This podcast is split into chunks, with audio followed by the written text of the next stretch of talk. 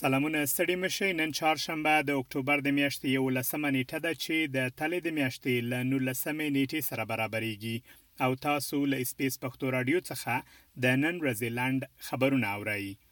د منځني ختیځ په شخړو کې د وژل شویو کسانو شمیر مخ په زیاتېدو دی. اسرایلي چارواکي وایي په اسرایلو کې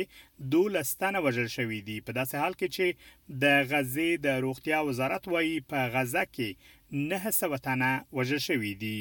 د اسراییل پوځ پر غزې بمبارۍ ته دوام ورکوي او د حماس د دوو لوړپوړو چارواکو د وژل کېدو خبر ورکړل شوی دی. اسراییل وايي، له لبنان سره د پولې په اوږدو کې د ډزو تبادله شوې او له سوریې څخه هم پر اسراییلو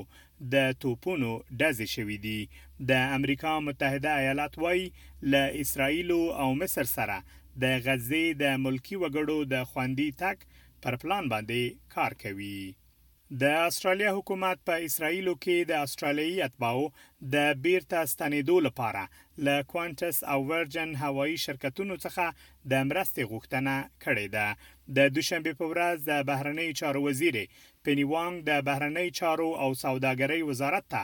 لارښوونه کړې وه چې د حکومت په ملاتړ د بیړنیو الوتنو لپاره پلان جوړ کړي. اټکل کیږي چې شاوخوا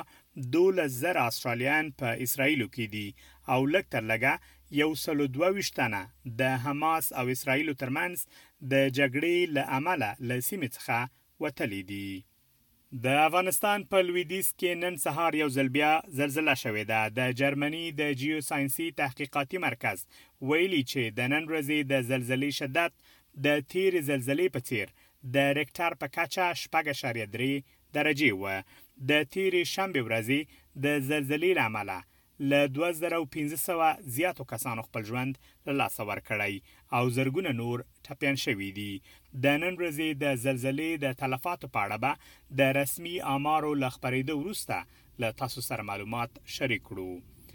په همدې حال کې د اسټرالیا حکومت د افغانستان په هرات ولایت کې له زلزله ځپلو سره د یو میلیون ډالر مرستې اعلان کړی دی د استرالیا د بهرنیو چارو وزیر پینی وانګ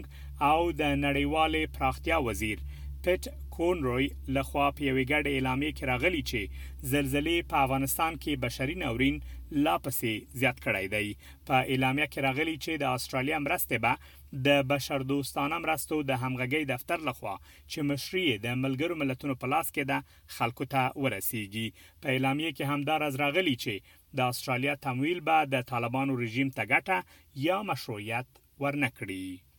د روی مورګن څېړنیز مرکز لخوا د ترسره شوې نظرپوښتنې پایلې ښیي چې